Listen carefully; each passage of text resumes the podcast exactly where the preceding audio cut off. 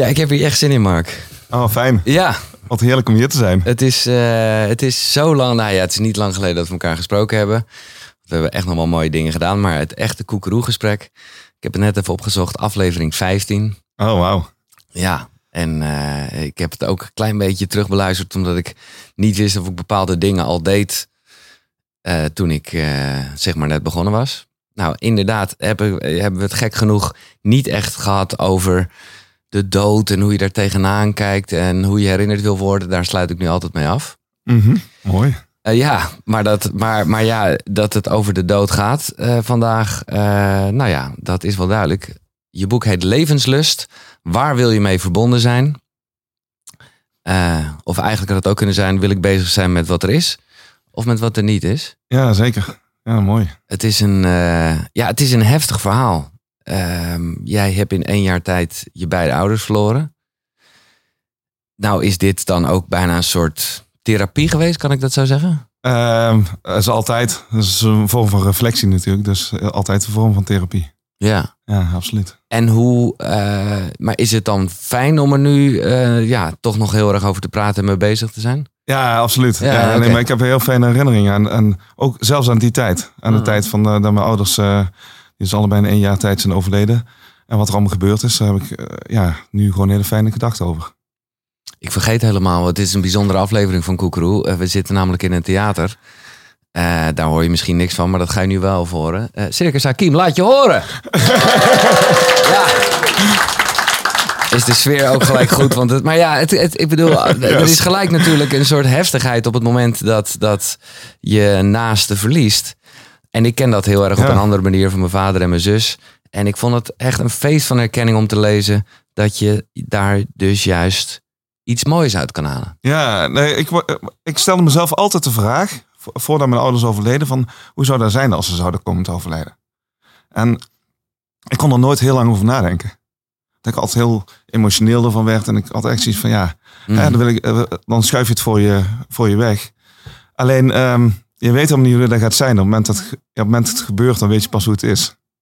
Maar wel opvallend dat je daar dan toch eh, al zo mee bezig was. Ja, maar het is niet zo dat je daar gewoon elke dag mee Nee, bezig was. Maar het was, ja, je- ja, je denkt wel eens na over, over je ouders. eh, en eh, zeker als ze volop in het leven staan. ja, je hoort ook verhalen van als mensen in één keer komen te overlijden. Ja, met mijn schoonvader heb ik natuurlijk ook meegemaakt. En dan denk je ook aan je eigen situatie.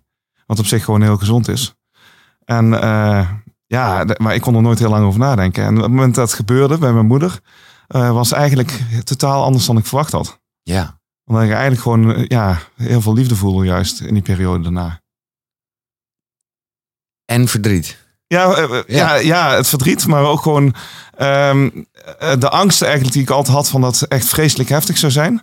eh ervaarde ik eigenlijk als van, hé, maar voor mijn gevoel is het er gewoon en ik voel haar gewoon in alles. Mhm. En denk je dat eh, het feit dat jij nou ja, heel erg bezig bent met hè, voor positiviteit, je platform en natuurlijk Ja. je eerdere boeken. eh, heb je daar dan wat aan gehad? Of, of Ja, wetenschappelijk gezien is het zo dat als je veel met positiviteit bezig bent, als die verhouding tussen negatieve en positieve emoties goed is, dan heb je veel meer veerkracht. Dan, Mhm. maak je, dan kom je nog steeds diep in ellende, maar krabbel je er veel sneller uit. Ja. En eh, dus ja, dat gebeurt bij mij ook. Maar wat is. eh, nee, ik, ik, ik, ik, maar ik vind het zo moeilijk om vragen erover te stellen, omdat ik het zo goed voel. Maar ik, ik kan me voorstellen dat er echt veel luisteraars zijn die zoiets hebben. Ja, maar wacht eens even, hoe kan je nou iets positiefs halen uit het overlijden van je ouders? Nou ja, dat, dat is ook wel eh, ehm, sowieso toen het voor mij gebeurde, had ik ook meteen zoiets van, nee, maar wat, wat kan ik er voor mezelf mee? Je, je komt in één keer in een, in een zwarte periode. En met Ja. name, ja, de, het e- de eerste met mijn moeder was gewoon heel heftig. In de, in de eerste coronagolf, eh, met alle afstand houden en niks mocht. eh, ja, we kwamen we hadden echt overal in één keer mee te maken. Ja. Dat je zelfs nog, dit is, dit is voor mensen denk ik wel herkenbaar, dat je zelfs maar wel er naartoe gaat, terwijl je er niet Mag zijn. mag zijn, Ja. maar dan toch het gevoel hebt dat je iets dichterbij bent. ja, dat we echt buiten bij het ziekenhuis stonden. En boven naar het ziekenhuisraam keken. Ja. En dacht van, nou, daar ligt mama. En dat was niet zo. Toen lag weer ergens anders. Maar eh, ja, dan voel je wel de kilte en de afstand. Ja.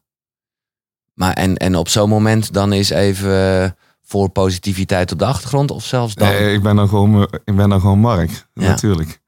En, eh, maar ja, voor positiviteit zit in mijn genen, in mijn, in, in mijn systeem. Dus je merkt wel dat de dingen die je dan doet, die zijn ook wel gebaseerd op wat je altijd erin hebt gestopt. Ja, waarbij de essentie dus echt wel is, hè, want dat kan, tuurlijk is het goed om een positieve mindset te hebben, maar het is vooral ook druk het verdriet niet weg. Ja, absoluut. Want dat is ook wel echt. Ja, eh, de shit die mag er ook gewoon zijn. En dat is, ik denk dat dat sowieso wel de boodschap van dit boek is. Van hé, maar iedereen maakt shit mee in zijn leven. En laat het er ook alsjeblieft zijn. Ja, Laat ook gewoon een maatschappij hebben waarin dat er mag zijn. Want anders maak je je alleen maar heel erg ongelukkig. Ja. Ik zeg altijd van als je negatief bent over het negatieve, dan maakt het alleen maar veel erger. En terwijl als je gewoon zegt van nou weet je, ik voel me nou gewoon rot. En eh, ja, ik bedoel, ik had er al een reden voor, vond ik. Eh, met, met het Mm. overlijden van mijn ouders en wat we meemaakten. Ja, dan mag ik, mag ik ook gewoon ellendig voelen. Nee, het mooie is hoe jij het omschrijft, dat moest ik echt om lachen. Eh, Lachen. Ja, daar moest ik echt om lachen. Hè, over het negatieve wegdrukken. Hm. Nou ja, misschien moeten we dat eerst even uitleggen. Jij hebt het over dikke en dunne kabels. Ja, ja, absoluut. Ehm, ja, alles wat je aandacht geeft groeit is wel een beetje mijn, mijn slogan. En ehm, dus als je ergens heel veel mee bezig bent, dan zijn, worden dat dikke kabels in je brein. Ja. En ehm, ik ben dus bijvoorbeeld heel erg veel bezig geweest met de cirkel van invloed van Covey. Eh, dus ik heb gemerkt dat zelfs in die meest ellendige dagen rondom mijn moeder, ik heel snel die cirkel van invloed er onbewust bij pakte. Ja. En op de allerlaatste dag van mijn moeder, die het echt het meest heftige was ooit voor mij, heb ik een aantal momenten echt gewoon onbewust die cirkel van invloed erbij gepakt. En van, oh, wacht even, stilstaan. Wat kunnen we echt, wat kunnen wij nu doen? En ja, dat, dan merk je dat dat echt zoveel omdraait. Ja, maar dat, de- is, dat is een dikke kabel in mijn brein geworden, omdat Ja. ik er al tien jaar mee bezig ben. Precies. En ehm, dat is ook met positiviteit. Als je heel vaak bezig bent met dankbaarheid, dan is het ook veel makkelijker om ook zelfs in die situaties nog het dankbare te zien. Misschien toch goed om even de cirkel van invloed uit te leggen voor Ja. de mensen die helemaal niet bekend zijn met Steven Ja, cirkel van, je hebt de cirkel van invloed en de cirkel van betrokkenheid. Ehm, en dan gaat het eigenlijk over de vraag van wat kan ik zelf veranderen? Wat Ja. kan ik nu zelf doen? En eh, als je die vraag stelt, dan kom je eigenlijk in de cirkel van invloed. Want dan gaat het altijd over wat je zelf op dat moment kunt doen. En om een voorbeeld te noemen, ehm, toen mijn moeder eh, thuis was, eh, aan, aan de adem lag en bijna aan het stikken was, wij in paniek raakten. Mijn broer op een gegeven moment ook gewoon echt naar de auto rende. En echt zoiets had van, nou, ik ga morfine halen. Dat ik me echt uit de auto heb getrokken en elkaar hebben aangekeken. We zeggen van, wat kunnen we nu doen? Wat kunnen we nu veranderen? Waar hebben we nu invloed op? En toen kwamen we, erop, kwamen we er ook achter van, hé, hey, we hebben met het ziekenhuis gesproken waar ze dus ontslagen was. We mochten ten alle tijde bellen. Dus laten we eerst bellen voordat we in de auto stappen. En dat was dus eigenlijk het begin van, nee, maar nee, echt nadenkt over wat kan ik op dit moment in deze ellendige situatie doen. Dan merk je in één keer dat je heel veel dingen nog kunt doen. En we belden met het ziekenhuis en heel fijn contact. En eh, de verpleegkundige eh, op de afdeling waar we mee, mee spraken, die zei midden op de corona-afdeling, die zei van, nou, ik kom jullie nu helpen. En die kwam. Ja, die verliet de afdeling en die kwam naar ons toe. En dan merk je in één keer van, nee, maar, maar dat kwam eigenlijk als een gevolg van dat je die cirkel van invloed pakt. En dat was eigenlijk het gevolg ook dat ik er jarenlang zoveel mee bezig ben geweest, dat ik op zo'n moment kan zeggen van, nee, maar wat kan ik er nu zelf aan doen? Wat, daarbij ook dat ik mijn broer aan kon kijken en dan zeggen van, nee, maar we gaan eventjes niet domme acties doen. We gaan even nadenken en even, even bewust van een moment van rust pakken. Ja. Nou ja, dat is ook als we toch. eh, Dit is, het, dit is een supermooi voorbeeld uit de zorg van iemand die voor je klaar staat. Ja, fantastisch. Er is ook een wat minder positief iets in jouw eh, verhaal. Wat ik wel toch ook even goed vind om te. Ja, absoluut. Ja, ja, mijn moeder die was een van de weinige coronapatiënten in de eerste golf. Die dus uit het ziekenhuis ontslagen was om thuis te gaan sterven. En ehm, toen was ze met de ambulance naar huis gebracht. En eh, toen ze eenmaal thuis was, eh, heeft ze nog een paar keer rondgekeken. En we in één keer dat haar adem slecht werd. Eh dus echt gewoon, gewoon blauw aanliep en eh, heel vervelend allemaal. En dan kwam er ook een thuiszorgverpleegkundige. En ja, die ging eerst formuliertjes invullen. Ja. Ja. En dat was, op dat moment was dat van ja, dan voel je je zo onmachtig. Dan wil je het liefste iemand erbij meesleuren. Maar ja, je wil ook respectvol met mensen omgaan. Maar dus op dat moment voel je je zo machteloos dat het gewoon heel moeilijk is. En ehm, ja, dus ik heb er echt vier, vijf keer gevraagd om, om echt eerst even naar mijn moeder te gaan kijken. En toen ze eenmaal klaar was, en, voor mijn gevoel, wat het duurde een uur. Maar misschien is het in de praktijk maar tien minuten of een kwartier geweest. ehm, ja, toen, eh, toen was het ook zo snel eh, de, de beademingsapparatuur een beetje bijgesteld, waardoor mijn moeder beter ging. Maar ja, Dat je denkt, Ja. ja. had dat even eerder gedaan. Maar ja, en kijk, weet je, de, ik merkte voor mezelf, zeker die dag, de nacht erna werd ik specifiek hierom, werd ik echt gewoon bijna traumatisch wakker. Ik echt dacht van, jeetje, ik heb een trauma opgelopen. Wat moet ik hiermee? Want ik eh, echt met een vriendin van mij aan het appen was van die coaches. Dus, eh, moet iets verwerken. En eh, toen dacht ik, de volgende dag dacht ik van, hé, maar ik kan er ook anders over gaan denken. Waar, waar, waar zitten de mogelijkheden om daar anders naar te kijken? En ja, dan ook als ik naar haar rol kijk, ehm, die thuiszorgverpleegkundige, ja, die heeft ook gewoon haar uiterste best gedaan. En die kwam in een unieke situatie die ze nog nooit meegemaakt had. Die voor haar hartstikke onveilig was. Ehm, ja, daar is alle begrip voor om, ja, dat zij ook gewoon Nou, kijkt ja, naar... alle begrip voor. Ik heb daar helemaal geen... Ik Nee? Heb, nee. Ja, ik kan, Nee, het, ik- ik kan het heel goed plaatsen in de zin van eh, dat ze ze op dat moment houvast probeert te houden aan dingen die er afgesproken zijn en de protocollen die er op dat moment opgesteld zijn. Ja. Ehm, en is op dat moment, zij weet ook niet eh, precies wat ze moet doen. En dat was eigenlijk ook heel logisch om daar, om daar zo naar te kijken. En eh, ja, we hebben bovendien hebben we ook zoveel mensen, ja, zoveel, en ook bij haar, zoveel liefde en bevlogenheid gezien om het, om het goed te doen. Eh, ja, moet ik me dan eh, druk maken over dat zij op dat moment ook gewoon niet precies wist wat ze moest doen? Nee. Mag ik ook accepteren dat zij dat ook moeilijk vond? Nee, ja, daarom vind ik dit zo'n goed voorbeeld. Omdat dat... eh, maar ik, ik bedoel, laat ik het zo zeggen. Het is ook, ik bedoel, eh, ook veel begrip voor jou dat je gewoon... Zeker in het begin... Machteloos was. Ja. en en eh, rondliep te dolen en ja, me compleet ongelukkig voelde. Ja. Ja. En dan... Daarom moet ik er ook even denken over die cirkel van invloed. Ja, dan... dan ja, dan, ja, nee, ja, je hebt ook weer gedaan wat je kon. ja, maar in die fase van paniek hebben we op een gegeven moment dus ook gewoon het ziekenhuis gebeld. Gewoon eh, wel even nagedacht van wat kunnen we nu wel doen? Want dit is de situatie waar we niet in willen zitten. Ja. Wat kunnen we dan wel doen? En als je dan merkt in één keer dat er iemand van de coronaafdeling eh 20 minuten komt rijden om ja, met, met de nodige geneesmiddelen eh, en het precies doet wat ze, wat ze moet doen, ja, dan is dat fantastisch. Ja. Eh, en dat is dan ook zo, weet je, ik geloof ook wel echt in dat iedereen zijn shit meemaakt. En wij maakten in die, op die dag ook zijn shit mee. Maar als je ook gaat kijken van, van dit soort voorbeelden erbij, eh, dan is die balans ook gewoon weer terug. En die balans is gewoon zo ontzettend belangrijk. Dat dat wil nog steeds niet zeggen dat ook in die situatie dat je daar per definitie positief over moet kijken. Nee, precies. Eh, maar dat, dat, eh, ja, dat je wel het totaalplaatje in de ogen moet houden. Maar mag je ook toch niet gewoon denken, ondanks dat je het kan Je verklaren. Nee, maar Ja. precies. Maar, want ergens moet je toch nog steeds denken, wat een kut. Nee, nu helemaal niet. Nee, Nee? nee helemaal niet. Nee, ik weet echt zeker dat zij gewoon echt het allerbeste heeft gedaan. En eh, vanuit, echt vanuit alle liefde en passie voor het vak eh dat werk gedaan heeft. Echt 100%. Ja. Ja. Maar zou je niet dan, eh bedoel, ik kan me ook voorstellen dat je er gewoon geen aandacht meer aan wil besteden. Maar je zou toch op zijn minst echt ook vanuit een soort positieve insteek kunnen terugkoppelen van, zeg mevrouw, een volgende keer. Als, Ja, maar, eh, weet je, ik ben heel veel met, met boeken schrijven bezig. En wat ik eigenlijk eh, steeds minder doe, is mensen zeggen wat ze moeten doen. ja. Omdat dat voor mijn gevoel ook helemaal niet zo goed werkt. En dat is ook helemaal niet fijn. Ik kan eh, mijn ervaringen delen. ja, En eh, en dat eh, is het dat, daar is het. Ja, En eh, ja, ze zal ook wel begrijpen dat het voor mij ook gewoon heel moeilijk was. ja. Als ze erop terugkijkt. Denk je, eh, weet je dat? Of denk weet ik niet. Nee, dat weet Weet je niet. Ik weet bijvoorbeeld met, die, eh, met mijn vader toen die overleed en we fantastische hulp kregen. Ehm, ja, met haar hebben we nog heel veel contact. Dus ik heb ook haar laten lezen wat, we, wat ik over haar geschreven had. En ja, dat is gewoon super mooi. Ik heb heel veel van haar geleerd op het moment dat we dat meemaakten. Mhm. En ehm, ja, ik vind het ook wel leuk om, om, ja, om niet iedereen te corrigeren. Maar als ik iets heel moois meemaak, om daar veel aandacht aan te besteden. Ja. Dat doe ik liever eerlijk gezegd dan eh, iemand Nee. corrigeren. Ja, nou ja, corrigeren of in ieder geval vertellen hoe jij dat hebt ervaren. Maar Ja, ja, ik schrijf wat ik, wat ik ervaar. Dus. ja, We mogen erover lezen. Ja, maar, dat, is ja. waar.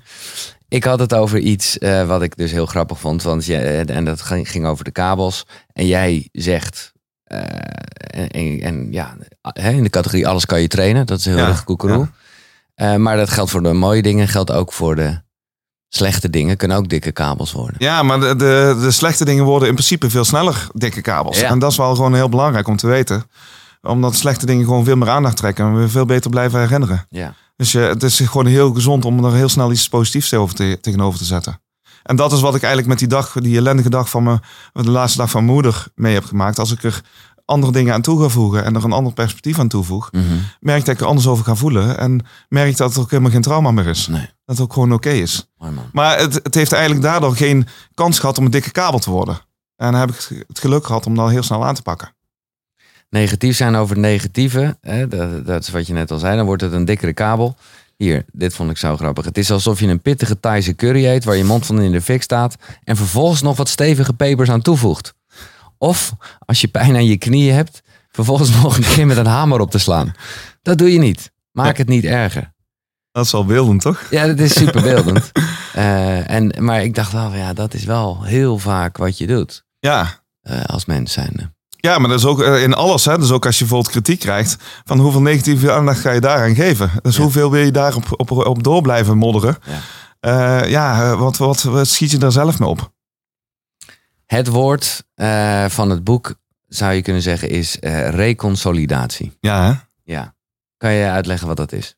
Ja, het, het bijzondere was eigenlijk van, ik, ik maakte het mee dat mijn, mijn moeder dus eh, in, in coronatijd overleed. Later in het jaar kreeg mijn pa dus alvleesklierkanker en die heeft een maand lang afscheid kunnen nemen van het leven van ons. Wat een hele bijzondere tijd was. Maar waardoor je in één keer geconfronteerd wordt met dat je allebei de ouders er niet meer zijn. En met alles wat erachter blijft.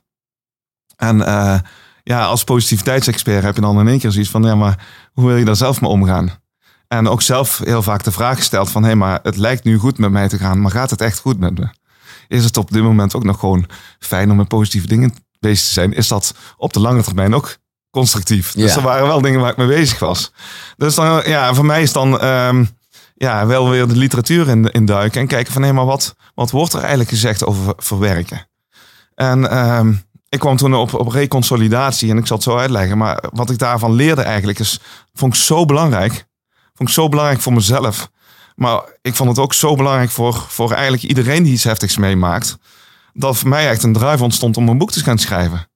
Omdat ik zoiets had van, ja, maar we modderen altijd maar wat aan, eerlijk gezegd. En het is allemaal eigen ervaring. En dan krijg je allemaal mensen die zeggen hoe iets is. Maar Ja, ehm, ik heb twee ouders over, eh, die zijn twee ouders verloren. En allebei de situaties waren anders. Eh, voor mij anders ervaren. Dus je kunt niet zeggen hoe iets is. Nee. Maar reconsolidatie gaat eigenlijk over hoe dat je brein werkt. Ja. En ehm, hoe je ervaringen opslaat. En je, je slaat, eh, als je aan, aan oude ervaringen denkt, herinneringen denkt, sla je het altijd weer als nieuw document op. Dus met, en je voegt daar eigenlijk de huidige gedachten en huidige gevoelens aan toe. En dat wordt je nieuwe bestand en je nieuwe ervaring. Dus je herinneringen verschuiven, je ervaringen uit het verleden die veranderen van, van, van, van lading. En ja, als ik dat dan lees, dat je brein dus altijd weer het opnieuw opslaat, dan word ik nieuwsgierig van hé, maar als ik dan iets positiefs aan toevoeg, wat gebeurt er dan? Dus ik ben heel erg op zoek gegaan van hé, maar in het tijd na het overlijden van mijn ouders, van kan ik elke dag stilstaan waar ik dankbaar voor ben? En wat ze voor me betekend hebben. En naar alle fijne ervaringen toe gaan. En dat was zo'n bad van een zee van liefde.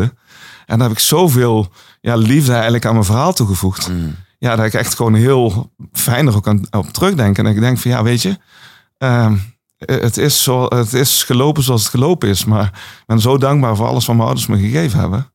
En ik vind het ook nu heel fijn eh, dat ik ten alle tijde aan ze kan denken en die liefde kan voelen. En dat is het. En dat is Ja. eh, wat ik En zo mijn bestand is daardoor echt zo compleet anders opgeslagen. Ja. En je merkt nu wel van nee, maar mensen krijgen ook in de gaten, ook als het voorwoord of het eh, van het boek lezen of de achterkant lezen, dat ze allemaal zeggen: Oh, wat erg. Je ouders zijn overleden. Ik denk, erg? Is dat erg? Ja, het is niet per definitie iets, hè? Nee. Maar ik vind het ook wel gewoon iets heel erg bijzonders en iets heel erg moois. En het heeft er ook weer zo ontzettend veel moois gebracht. En ik vind het ook heel bijzonder om, had ik al heel snel na het overlijden van mijn moeder, van, dat ik echt gewoon met haar kon praten Mhm. en haar kon voelen. En hoe kan je dat uitleggen? Hoe dat, eh, hoe- Ja, eh, omdat als je iemand heel goed kent, dan weet je wat iemand zegt. En met name bij mijn moeder heeft dat heel sterk. En dus ik kan de hele verhalen vertellen, ook nu over, over ze, waar ik echt gewoon een grote glimlach van op mijn gezicht krijg. Eh, ja, dat is ook gewoon fantastisch. Ik, in mijn familie had ik een verhaal verteld over. ehm, eh, ja, nu, nu ligt mijn boek voor het in de boekhandel. Ja. En in mijn vorige boek was het allemaal wat moeilijker. En, en mijn moeder die ging altijd naar de boekhandel, naar de plaatselijke boekhandel toe. En die vroeg dan, waar ligt dat boek? en eh, dat was echt fantastisch. En die ging niet weg voordat ze antwoord had. En eh, op een gegeven moment zei ze zei van, ja maar... eh, want zij zei dan van, ja, dat boek moet u toch hebben liggen. Dat is hartstikke populair. En ja, maar echt, als een moeder kwam ze van me op. En... ehm en ze dan zei van, wil je, wil je het boek bestellen? Nee, nee, ik ben de moeder. en dan liep ze weg. Heerlijk. Maar mijn pa, die, eh, die met het eenvoudige leven, die was op een gegeven moment naar de plaatselijke, eh, plaatselijke boekhandel gegaan. En die was puzzelboekjes gaan halen. En die had gekeken of het boek lag. en die be- bericht me dan later van ja, ik heb al gekeken, maar lag er niet. ja, dat is ook zo mooi. Want mijn pa die vond het allemaal veel minder belangrijk. Ja. Maar, nou ja, ik moet zeggen, ik, eh, je bent in dat opzicht sowieso ook wel een kind van je ouders. Ja. Want ook, nou ja, hoe dat gegaan is, dat eh, beschrijf je heel mooi in het, ja, in de laatste tijd van eh, ja, je vaders leven. Ja. Ja, dat, dat is ook wel echt. ja, mijn pa die kreeg te horen dat hij dus alvleesklierkanker had. Die, de dokter zei ook letterlijk van je moet de maanden denken, niet in jaren. Op de vraag van hoe lang heb je nog te leven? Ja. En toen we thuis waren, zei hij meteen van... hé, maar we gaan er een prachtige tijd van maken. Nou, we mogen best verdriet hebben. Positieve psychologie, negatieve mag er zijn.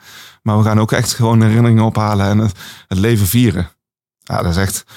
Als je dat net te horen hebt gekregen... ja. Ja, ik vond het echt... Ik had toen en nu nog steeds kippenvel mijn armen staan... en mijn pa dat op dat moment kon. En ja, dan, dan is wel wat je zegt van... nee, dan ben je kind van je vader. ja, toch? Ja, dus ik heb heel veel mooie dingen van mijn ouders meegekregen. Maar ja, Ja. extra dankbaar. ja. Ja. Was, er, ook- was er echt gelijk die rust? Of was er ook. eh, ja, mijn pa die was echt zo ontzettend rustig. En die gaf daar ook echt, die zette daar zo ontzettend meteen de toon mee voor iedereen. En dat mocht er ook gewoon zijn. En eh, verdriet mocht er zijn. Eh, maar er werd ook echt superveel gelachen. mhm. En mijn pa had echt heel veel humor in zijn laatste, laatste weken. Eh, waar mensen echt gewoon afscheid kwamen nemen. Nee, alleen maar grapjes tussendoor om het ijs te breken. Ja, echt fantastisch. Ja.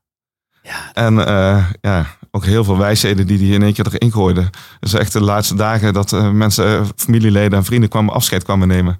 Zat ik met mijn notitieboekje langs de kant. Zat te luisteren en dingen op te schrijven. Echt zo mooi. Ja, bijzonder is dat. Hè? Ja. Dat is wel echt wat je vaker hoort. Dat mensen, zodra ze weten dat ze gaan overlijden, dat er inderdaad een soort Ja. rust en wijsheid komt van ineens snappen wat allemaal wel belangrijk is in het leven. Maar hoe magisch is dat als je dat mag meemaken? Ja, Dat is echt zo mooi. En dat vind ik ook echt van de laatste maand van mijn pa was echt gewoon, ja, die was zo fantastisch. En we hebben ook echt gewoon, we zijn ook gewoon al vrij snel bij hem gaan wonen. eh, de hele dag bij hem gebleven. En ja, heerlijk. ja. Heerlijk om daar ook voor te kunnen kiezen. Maar nog even over dat reconciliatie. Want ik wil daar mensen echt. eh, het, is, het, is, het is machtig mooi. Maar je kan je denken. Hè, als je het gewoon weer even vergelijkt met je, je hersenen, zijn dus juist geen computer. Want eh, ja, een computer bewaart gewoon het filmpje zoals het is. En wij. Nou ja, kunnen dus eh, eigenlijk beelden veranderen, zou je bijna kunnen zeggen, Ja. hoe je het opslaat. Ja. Nou heb jij dit ja, vrij snel goed in een mapje gestopt, zou je kunnen zeggen. Ja? Maar wat nou op het moment dat dat jarenlang. eh, hè, dus, dus als het wat langer geleden is. Ja, ehm, mag het dan vervelend zijn? Mag het dan een dikke negatieve kabel zijn? Ja, dan mag het een dikke negatieve kabel Ja, zijn. ja, dan moet je Maar niet het- eens. Nee, ja. maar je moet ook niet. Dat, dat is ook wel wat ik altijd roep. Van, je moet niet in één keer verwachten dat als je depressief bent, dat je dan een positief kan worden. Nee, Omdat je toevallig drie dingen opschrijft waarvoor je dankbaar bent. nee. Nee, zo werkt het niet. Maar als je daar heel lang en heel veel mee bezig bent, ja, je weet het zelf ook. Ja, dan gaat dat je brein vormen. En dan Mhm. ga je er veel meer bij stilstaan. En dan ga je veel meer de mooie dingen zien. Ja. Maar zou je. Het is gewoon een pad. Ja, Ja. maar, maar, maar, maar kan het wel, denk je, dat je een heel oud negatief iets, wat jarenlang waar je met pijn aan terugdenkt, dat je daar. Ja, dan nog een wat, wat, wat Wat zou je denken als ik nou zou zeggen, nee, dat kan echt niet. Nou, dan geloof ik het niet, om eerlijk te zijn, want ik denk dat het wel kan. ja, maar dat- we moeten er altijd die mogelijkheid open houden. En Ja. je weet nooit hoe dat voor individuele situaties is. Maar je, eh, je moet altijd streven naar mens zijn om iets te kunnen oplossen en iets te kunnen verwerken. Ja. En je moet altijd kijken naar ja, iets wat hoop geeft. Eh, en ja, dus eh, ik denk dat je die deur sowieso niet dicht moet gooien. Of het nou wel of niet kan. Nee. Je moet die deur niet dichtgooien. Dus ik zou sowieso willen zeggen van nou probeer het gewoon. Nou, dat is. eh, maar nee, maar ja. kijk, het is zo, eh, ook daarom net met het verhaal van wat even niet zo vlekkeloos ging in het hele zorgproces. Ja. Daar had je ook op kunnen focussen. En hoe erg het is dat ze nu niet dagelijks bij zijn. Maar dat is een beetje wat ik ook in het begin zei. Wil ik bezig zijn met wat er is? Ja, en eh, Wat ik had dat is. misschien kunnen corrigeren. Of ik had er misschien allerlei dingen kunnen, kunnen meegeven. Van wat, maar dan was ik er zelf weer in gaan roeren. Terwijl ik eigenlijk er op een andere manier naar wil kijken. Ja. En ik wil juist die reconsolidatie zojuist zo goed gebruiken. Dat ik ook gewoon positieve perspectieven eraan toevoeg. Aan het hele verhaal. En als het niet aan die specifieke situatie is, aan de hele dag. Mhm. Ehm, of aan alle mensen die eromheen zaten. Ja, dan is er gewoon, zeker in de periode van rouw, is er heel veel positiefs te vinden. En heel veel liefde te vinden voor elkaar. Ja. En eh, als, je kijkt, als ik kijk naar hoeveel mooie, liefdevolle berichtjes van vrienden heb gekregen. En hoe, hoe ze achter me stonden. Dat is fantastisch, toch? Nee, maar daarmee zeg je het. Dat is misschien sowieso wel het mooie. Weet je, Ja. het mooie van verdriet Ja, is gewoon dat je dus iemand mist. En dat Ja. is dus eigenlijk liefde al over. Ja, liefde all over, ja. Ik vond het ook heel mooi, eh, de eerste reactie die je op een boek gegeven hebt. Ik weet niet of je nog weet. Maar je zei van, ja, dat hele boek ademt liefde. En Ja, Ik moest erover nadenken, want ik had zoiets van... Nee, ik heb helemaal niet het idee dat het alleen maar liefde ademt. Maar eh, ik vond het wel heel mooi. ja. nou ja, dat, is, eh, dat vind ik ook echt inderdaad. Ja. Maar ja, je schrijft er natuurlijk gewoon over, over in principe... wat mensen als heel heftig ervaren. Maar ja, je kunt er ook vanuit heel veel liefde naar kijken. Ja. En dat heb jij ook altijd gedaan. Ja, nou, dat, en, en, maar dat is ook vooral, hè, als ik het dan toch weer even over mijn vader en mijn zus eh, heb. Wel door eerst even gewoon dat verdriet er zo te laten zijn. En ik denk dat dat over het algemeen nog wel wordt vergeten. Ja, dat is ook wel een beetje het moeilijk als je zegt van het kan heel, het kan heel goed zijn en je kunt er heel positief en gelukkig van worden. Ehm, dat, dat je daardoor de huidige situatie gaat afkeuren. Mhm. Dus je moet eigenlijk ook gewoon daarom juist ook vooral te, te laten zijn en te laten zien van nee, maar alles wat je daarin doet, toch gewoon kleine stapjes zijn. Ja. En dat de eerste instantie er ook gewoon mag zijn en je eh, verdriet mag hebben. Maar kun je uitleggen wat het, eh, want dat is op zich, ja, voor mij eh, het wel duidelijk, maar een soort dunne lijn of je erin zwelgt. Of dat je het gewoon omarmt en het daar en, en ja, snap je? Ja, ik, in het boek schreef ik een heel mooi verhaal, vond ik zelf, over eh, wat er gebeurde toen mijn moeder dus in, eh, met corona in het ziekenhuis kwam liggen. De, de eerste gedachte die mijn broer en ik hadden van, hé, maar iedereen is onmachtig. Iedereen eh, wil, vraagt zich af, krijgen we mijn moeder, zus, vriendin nog Mhm. ooit te zien? Eh, iedereen voelt zich onmachtig. En eh, dan merk je in één keer dat eigenlijk als je dan vanuit liefde gaat denken, dan is liefde je liefdeslijn, je reddingslijn, zo heb ik het ook genoemd. Eh, dat je eigenlijk gaat denken van, hé, maar hoe kunnen we de liefde laten zegevieren? Dat er ook altijd meteen een oplossing is. En daar hebben we toen filmpjes zijn opgenomen voor mijn moeder. Ja. En die filmpjes naar mijn moeder hebben gestuurd. Of die heeft mijn pa meegenomen. En mijn moeder dus weer een liefdevol filmpje teruggestuurd had. En dan merkte van, hé, hey, we kunnen elkaar niet bereiken, maar we kunnen elkaar wel bereiken. En dat is ook het mooie van als iemand overleden is. Ik kan mijn moeder ieder moment bereiken. Ja. Volgens mij is ze hier ook gewoon. Heb je bepaalde rituelen die je nu eh, hebt dagelijks? Ja, ik denk wel iedere dag gewoon eventjes 's ochtends vanuit dankbaarheid aan eh, de hele mooie dingen die ik met mijn ouders meegemaakt heb. En dan eh, kan er hele specifieke dingen zijn. Of dingen die ik in ze bewonder, die ik heel fijn heb ervaren. En soms ook dingen waar, ja, mijn moeder heb ik ook heel erg achtergekomen dat de dingen die me irriteerden, dat die ook veel beter ben gaan begrijpen. En, en, en misschien wel van bent gaan houden. Ja, zeker. Zeker heel erg. Mijn moeder die hield zoveel van mij, dat ze zich ook overal mee bemoeide. En, maar die eerste gedeelte van de zin, die zag ik nooit. Nee. Want ik had altijd last van haar bemoeizucht. En nu merk ik eigenlijk van, hé, maar het was eigenlijk alleen maar de liefde die ze me gaf. En ze wilde altijd dat we eerder kwamen en langer bleven. Dus ja, daar bleek ook gewoon... En ik vond het maar irritant. Ja, En nu denk ik van, ja, weet je, nu mis je dat soort dingen ook. Dat je denkt van, wow, hè, dat je eigenlijk gewoon eh, vrienden, familie wil horen zeggen van, nee, maar kom maar eerder. ja. En hoe, eh, eh, hoe lig je dan in bed of ga je ergens zitten? Steek je een kaarsje op? Kijk je naar een foto? Nee, ik, ik ga gewoon ergens zitten, meestal gewoon aan, aan tafel of aan mijn bureau. En dan pak ik even gewoon een momentje. En soms is het dan gewoon eh, vijf minuten en soms is het gewoon een minuut. Ja. Gewoon maar wel eventjes gewoon bewust mee bezig zijn. En ik merk, mijn ouders hebben, we hebben twee mooie foto's van ze staan in de woonkamer. Eh, alleen ik kijk er eigenlijk bijna nooit naar. Nee. Gek is dat, hè? Ja. En eh, het grappige is, met mijn schoonvader deed ik dat eigenlijk veel vaker. En heel af en toe kom ik er voorbij lopen en dan zeg ik iets tegen ze. Maar het is niet dat ze daar een, een, een hele grote rol in hebben. Maar ze hebben een rol in, in, in gewoon eventjes in, in liefde aan ze, aan ze denken. En ik vind het ook leuk om over ze te vertellen. Dus eh, het schrijven over ze is dan ook gewoon een feestje. Ja. En vanuit liefde naar ze kijken en wat ze allemaal gedaan hebben voor me. En wat ze ook gewoon voor hele wijze lessen meegeven. Want wat dat betreft, ja, ik, ik weet ook gewoon van wat ik allemaal meegekregen heb, dat heeft, krijgt niet iedereen mee. En dat merk je ook. Ik vertel heel veel verhalen over, over liefde en wat ik van mijn ouders gekregen heb. Niet iedereen voelt dat zo. Eh, dus daar ben ik ook heel dankbaar voor dat ik dat wel gekregen heb. Dat ik die basis gekregen heb. Nee, maar goed, eh, ik denk dat mensen de twinkeling zelfs horen op het moment dat je het over hun hebt. Ja. Dat is, dat is fantastisch inderdaad. Maar dat, ik ben ook blij dat je dat zegt. Dat is wel een, een gift of zo. Zeg dat? Ja. Ja, ja, dat is een, ge- een geschenk wat ik gekregen Ja. heb. Maar ik vind het ook wel het leuke is, ehm, eh, om over het onderwerp eh, ouders te praten. Eh, en de liefde te praten. Omdat iedereen daar ook gewoon een gevoel bij heeft. Mhm. En soms is het negatief, soms is dat positief. En eh, soms is dan ook gewoon net even een kleine twinkeling, die je, een kleine verandering die je kunt aanbrengen. Waar in één keer denkt van hé, maar oh, er zit toch nog wel iets positiefs in. Een dame die bij mij bij een seminar was, die eh, zei van nou, zoveel moederliefde heb ik nooit ontvangen. Ik zeg, heb je kinderen? Ja, zegt ze. Zeg, hou je van je kinderen? Tranen rollen over wangen. Ik zeg, nou, je kent het wel, moederliefde. Ja. Kijk de andere kant op. En ja, ze heeft nu ook wel zoiets van, hé, hey, maar ik ken het dus heel erg goed. En ik kan er heel veel doorgeven. En, dan heb, en ik vind het zo mooi, want dan heb je met kleine andere gedachten, heb je gewoon iemands, iemands kijk op, op moederliefde veranderd. En eh, die kan dus echt gewoon een, een, een, een kink in de kabel leggen eigenlijk. Van, van moederliefde die ze niet heeft gekregen naar moederliefde die ze doorgeeft. Ja. Wat voor mooi is dat voor de volgende generatie. Ja. Machtig man. Ja.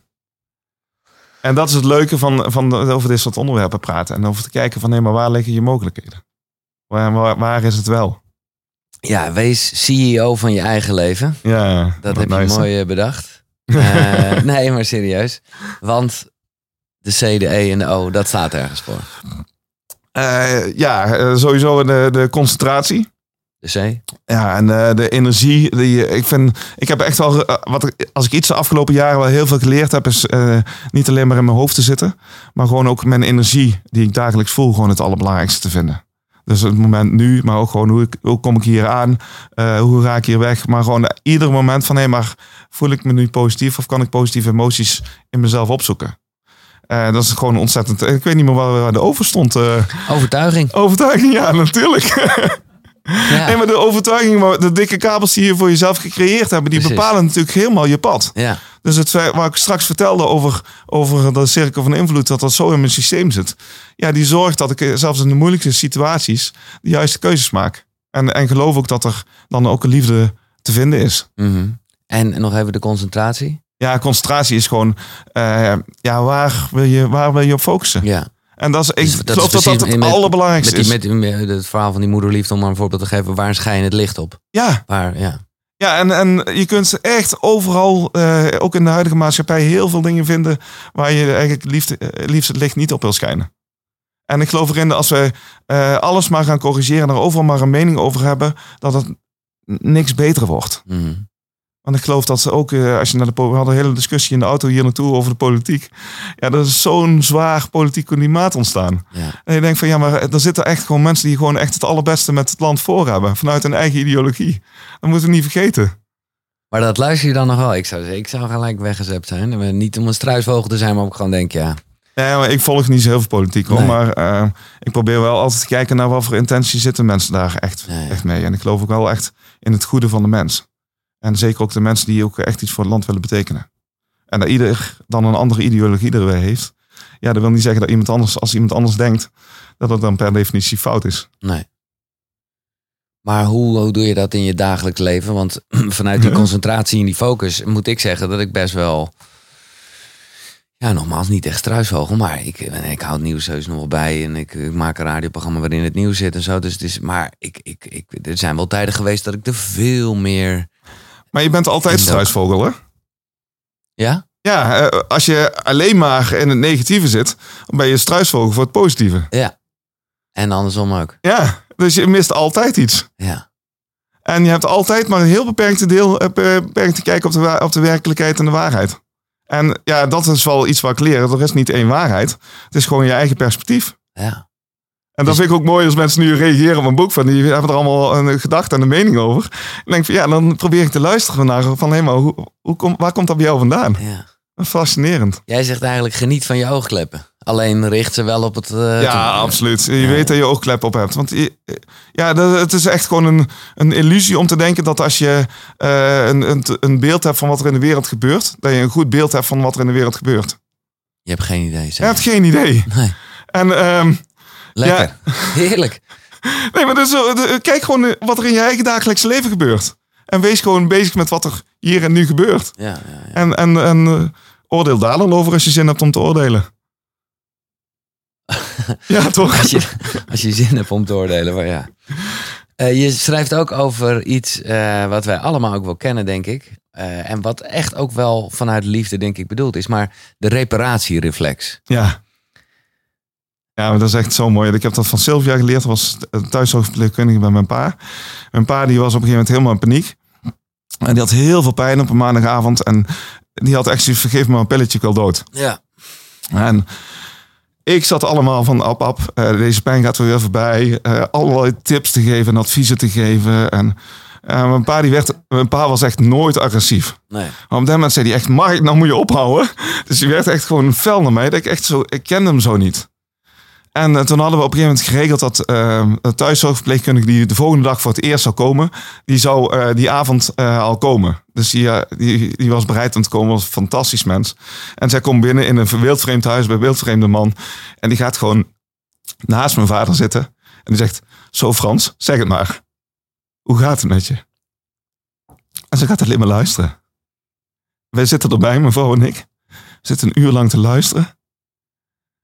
En na een uur zegt mijn pa van ja. En dan zeggen, kom ze allemaal met advies. En dat het allemaal beter zou kunnen. En de dokter zegt dat ik geen pijn moet hebben. En ik heb hartstikke veel pijn. En Sylvia zegt van ja, maar de dokters kunnen dat ook allemaal niet beloven. En mijn pa die kijkt op. Oh. Dat vind ik fijn dat je dit zegt. En hij voelde zich voor het eerst gehoord. En ik denk van wow. Ik ook hè. Vanuit al mijn wijsheden. Denk, En vanuit liefde hoor. Vanuit liefde. Maar toch. denk je heel vaak van als iemand iets tegenkomt, dan denk je van, oh, ik heb de oplossing wel, ik weet al wat je moet doen. Je moet dit of dat of dat moet doen. Oh, de kat heeft van het water gedronken. Oh, dat dacht ik al, maar ik vond die zo erg. maar is het toch niet katten? Ik zag het wel gebeuren, maar katten zijn toch Kat niet. heeft van het water gedronken. Ja, Ja, dit is, een, dit is het mooie van live, hè? Hebben die katten een ziekte dan? Maar ik was zo met ons bezig dat ik helemaal geen kat gezien heb. jij? Oh ja, ja, ik zag hem wel even. En ik zag hem daar water drinken, maar je kan toch wel water drinken waar een kat aan gezet heeft. Nou goed.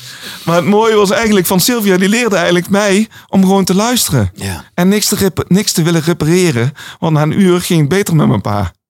Omdat er wel iemand was die kwam luisteren. En in het hele periode van afscheid nemen kwamen zoveel situaties tegen waar je zelf denkt van nee, maar dat je dat anders wil. Mijn pa die had moeite met eten. Dat je denkt van, oh pap, je moet nog wel eten. Dat je denkt van, wow, wacht even. Eerst even luisteren. Hij wilde op een gegeven moment al zijn spullen gaan verdelen. Ja, als je ergens niet mee bezig wil zijn, is met spullen. En zeker niet op zo'n moment. Eh, maar mijn pa wilde dat. Dus ja, luister gewoon en kijk of je daarin mee kunt gaan. Hmm. En dat geeft zoveel vrijheid. En dat maakt er eigenlijk ook gewoon door het niet te willen repareren, geen adviezen te willen geven, eh, maar gewoon echt te luisteren en te kijken van, nee, maar we hebben hier een mooie tafel, wat leg Ja. je op tafel? Ja. En als je iets negatiefs op tafel legt van, hé, hey, maar als je er nog iets anders bij wil leggen, leg het erbij. Alsjeblieft, leg het erbij in het magazijn. Maar dit is wel echt een goeie hoor. Eh, dat eigenlijk op het moment dat iemand zijn, zijn klachten deelt of gewoon eh, dat je gewoon inderdaad geneigd bent om. Eh, nou het ja, valt wel mee, of Ja, je moet precies. dit doen. Ja. Of, ja. Maar dat, mensen willen dat gewoon zeggen omdat ze gehoord willen worden. Ja, en we willen allemaal gehoord worden. En vaak weten de mensen de oplossing zelf ook nog wel eens. Eh, maar hebben, kunnen ze op dat moment gewoon niet gevonden krijgen. Nee. En eh, als je het gewoon zegt van nou maar vertel het maar, leg het maar op tafel neer. Dan maak je echt verbinding. Want dan hoor je ook echt wat de ander wil zeggen. En dan zit je niet met je eigen veld tussen. Met een zin die ik echt, eh, eh, nou ja, wel echt eruit heb gehaald en ook gebruikt heb. De kat heeft water opgedronken. nee, nee, maar- nee, nee, is water. Met, met, met, eh, wil je er nog iets over kwijt? Ja. Dus eigenlijk al na het luisteren gewoon nog... eh, ja, ik zou bijna zeggen nog een schepje erbovenop doen. Ja, leg maar alles op tafel. Ja, En, en probeer jezelf eens te trainen. Ik probeer mezelf te trainen om daar dan niks bij te leggen. En gewoon te luisteren van, oh wat fascinerend, wat fijn dat je dat vertelt. Ook als het over mij gaat. Wauw, wat gaaf dat je dat vertelt. Dat is ook zoveel fijner. Ook de vrienden van mij die nu het boek lezen, die, ja, ik vind het ook fijn als ze alles tegen me vertellen. Hè, dus niet alleen zeggen van, oh, ik vond het zo'n goed boek. Maar dus ook zeggen van, nou, weet je, een vriend van mij die kwam van, nou ja, je doet wel heel jubelig af en toe. Er zit wel heel veel wauw tussen en heel veel gaaf tussen. Ja, dat vind ik mooi dat je dat vertelt. Dankjewel. ja. Hij zegt, je moet het ook niet veranderen. Ik denk, ja, hoeft het niet te veranderen. Het is maar, het is, ja, zo ben ik ook gewoon. Eh, Ja. Hij zegt, ik ken je ook zo, dus ja. maar wilde het toch even zeggen. Ja, grappig is dat. Nee, maar ik vind het ook fijn dat hij het zegt. Ja. Want weet je, ik vind het ook fijn om te weten. Maar eh, kan ik het ook gewoon met open armen ontvangen en het ook gewoon laten zijn. Zonder dat ik mezelf ga verdedigen of eh, zeg van, oh, weet je, dat ligt aan jou dat je er zo over denkt. Nee. Gewoon, wow, het maar zijn. Dat is mooi, mooi fascinerend. Ja, Iedereen ja. kijkt anders naar het boek. Ja. Geweldig. Nee, dat is ook. Ik, ik weet dat wij in het eerste gesprek, eh, voor mijn gevoel een eeuw geleden, Ja. heel erg gehad hebben over kritiek. En ook over lof, wat eigenlijk hetzelfde is, zou je kunnen zeggen. Ehm, waar, waar je gewoon dus niet zo.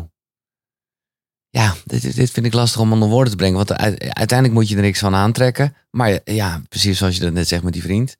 Het mag er, ja, eh, laat het er wel gewoon zijn. Je moet, hoeft het ook weer niet weg te. Ja, misschien met social media hoef je er niet naar te luisteren. Nee, ja, je kunt eh, met social media sowieso heel makkelijk. Want dan kun je blokken, dan kun je, Ja. eh, je kunt het gewoon negeren. Ja. Ja. Maar dat geldt in het dagelijks leven natuurlijk ook voor. Je hoeft ik bedoel, eh, ook al zou je iets niet bevallen, kun je ook gewoon over iets anders beginnen. In plaats van jezelf te verdedigen of te zeggen dat iemand anders er anders over moet denken. Ja, eh, stop ermee. Ja. En dat, wat, het maakt wel veel, veel meer ruimte. Het geeft veel meer ruimte. Want ik vind het fijn als, en dat vind je waarschijnlijk ook, je vindt het wel fijn als mensen gewoon kunnen zeggen wat ze vinden. Exact. Toch? Ja. Ja, Dus daar bedank ik ze ook voor. Dat Ja. heb ik echt geleerd van jou. Eh, bedankt voor je reactie. ja, wauw. En, eh, Wat wil je er nog meer over kwijt? Ja, ja dat, die, die kan ik eraan toevoegen inderdaad, ja. Ja, maar echt. Omdat het ook... Ja, het wordt een beetje... eh, alles is liefde. Maar ja, het feit dat mensen... Ja, het is toch in ieder geval een, een, een, een soort verbinding. Zelfs als het heel negatief is. Ze willen blij, ja. Ja, en eh, ja, weet je, ik weet niet hoe het bij jou is, maar bij mij is het ook niet altijd positief. Dus ook, ook wat tegen anderen zeg. Ja. Eh, dus het kan ook wel eens negatief zijn. Eh, vind je het dan fijn als mensen je daarop afkeuren? Nou, nee. Nee. Ik probeer wel altijd een goede balans te bewaken, maar... Nog even over, want we zitten echt los van het feit dat het natuurlijk jouw mooie verhaal is wat je deelt. En ik zeg mooi verhaal. de- Ja? de- ja, dat Mag. is, dat is, ja. Dankjewel. Ja. Eh, maar er zitten ook wel dus echt tips in, eh, zoals ik net de CEO eruit lichtte. Maar ook eentje waar ik wel even, eh, nou ja, ook weer een beetje aan moest wennen. Formuleer je doel en vergeet het. Ja. Hoezo? Ja, ehm, wat ik merk, tenminste zo, ik schrijf ook heel erg vanuit hoe het voor mij werkt natuurlijk. Maar wat je merkt als je heel veel doelen hebt en heel veel met doelen op de lange termijn bezig bent, is dat super fijn. Dan kun je heel mooi visualiseren, manifesteren, je kunt er alles aan doen. Eh, maar als je op het moment dat je te veel bezig bent met het eindresultaat, ben je dus niet met het nu bezig. Nee. En ehm, dus eigenlijk gaat het veel meer over van, hé, maar als je jezelf verandert en je energie, je eigen gedachten verandert eh, en het pad kent om daar te komen, mag je je doel gerust vergeten, want je weet wat je moet doen.